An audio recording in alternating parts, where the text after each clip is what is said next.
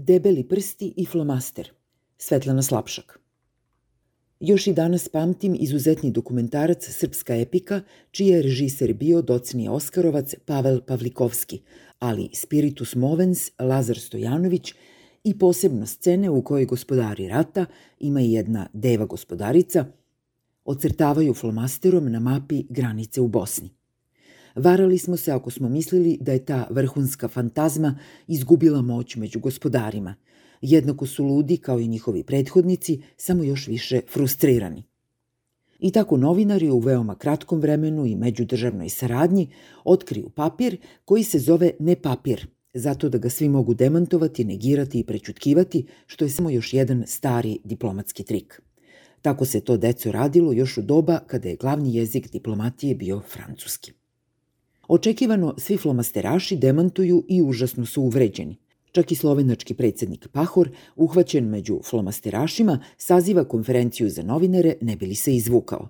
Nije sazivao kada su se događala do neba vapijuća kršenja ljudskih prava, jer on je neutralan, za razliku od nekih drugih predsednika država, pa birajte. Ukratko, eto nam Shit hits the fan situacije, filmski ovekovečene u prikazu samog događanja u filmu Imali pilota u avionu. Ukoliko se samo malo udaljimo od traženja istine u ovom slučaju, u kojem je istina više nego očigledna, možemo bez većih napora i sasvim mirni pred zamerkom da posvuda vidimo zavere, zamisliti šta debeloprsti flomasteraši hoće. Glavni lokalni debeloprstaš je bez sumnje Orban. Njemu još samo nedostaje da zadovolji trianonski kompleks, parče Slovenije, dobra šnita Rumunije i on je privremeno srećan, a još jedan hiljadugodišnji san mađarskog naroda ispunjen. Slede ostale sile, Hrvatska, Srpska i Albanska, svaka sa po jednim generalnim hiljadugodišnjim snom i po kojim snovićem pride, a tu je i Erdogan sa svojim hiljadugodišnjim obavezama. Pitate se šta tu radi Janša. Pa ništa, ali mnogo voli uništenje Jugoslavije, pa bi još jedan put da kibicuje i ponešto zaradi na oružju. A i svidelo bi se Orbanu. U senci su još bugarske i grčke želje za Makedonijom, pa kako i na jugu mora da se pojavi ono pa ništa, eto i Kipra u igri. Radi se naime o ideji postavljanja čvrstih etničkih granica i zametanju svih tragova multietničkih zajednica – Razumnima je jasno da bi to značilo potpuno brisanje Roma i svih drugih manjih manjina, sulude linije granica, enklave, konklave, baklave i svašta drugo. A da pre postizanja te sreće nužno mora da rikne bar pola miliona hiljadugodišnjih sanjara. Janša tu funkcioniše kao evropski ceremonijal predsednik od jula do kraja ove godine i cijela stvar je u okviru evropskog premišljanja koje će balkanske države konačno prihvatiti – Glavni igrači su dakle NATO i Putin, ostalo su lokalni izvođači. Za sada sve računa obilato plaća Evropska unija.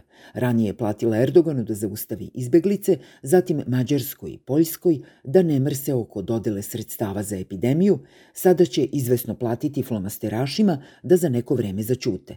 Balkancima, onim običnim, ostaje da se zapiju. No ako pogledamo preko ramena debeloprstim flomasterašima da vidimo šta to crtaju i boje, odmah će nam pasti u oči da postoji vrlo jednostavno rešenje. Spoljne granice su još netaknute. Stanovnici, sada već druga i treća generacija, sarađuju kad god i gde god mogu. Svi slušaju manje više istu muziku, gledaju manje više iste TV serije, kuvaju hranu suseda, starci imaju zajedničke uspomene, mladi većinom još nisu stigli da se mrze. Sve u svemu mogla bi tu postojati neka zajednica, moglo bi se mnogo uštedeti na političarima, vojsci, policiji, papiru. Pustite mašti na volju pa će vam mnogo praktičnih ideja zameniti hiljadugodišnje snove. A u mašti se ne oskudeva. Za samo četvrt veka nečega što su naivno nazvali tranzicijom, na tome području nenarušenih spoljnih granica raskrilo se kako se parlamentarna demokratija može zloupotrebiti, plagirati, manipulisati i dekonstruisati do neprepoznatljivosti.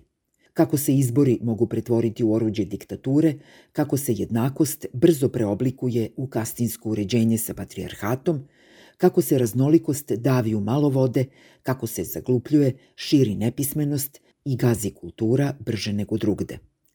Samo još tvrda kolonijalna nadutost sprečava Evropu da prepozna najbolje učenike.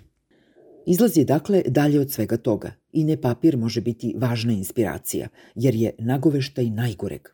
Osmišljavanje nove Jugoslavije sa drugačijom demokratijom, drugačijim ustanovama, drugačijom proizvodnjom i raspodelom, kritikom svega prošloga, bez cmizdrave nostalgije, bez etnonacizma, bez obavezne patnje većeg dela živih i što manje mrtvih, samo prirodnom smrću.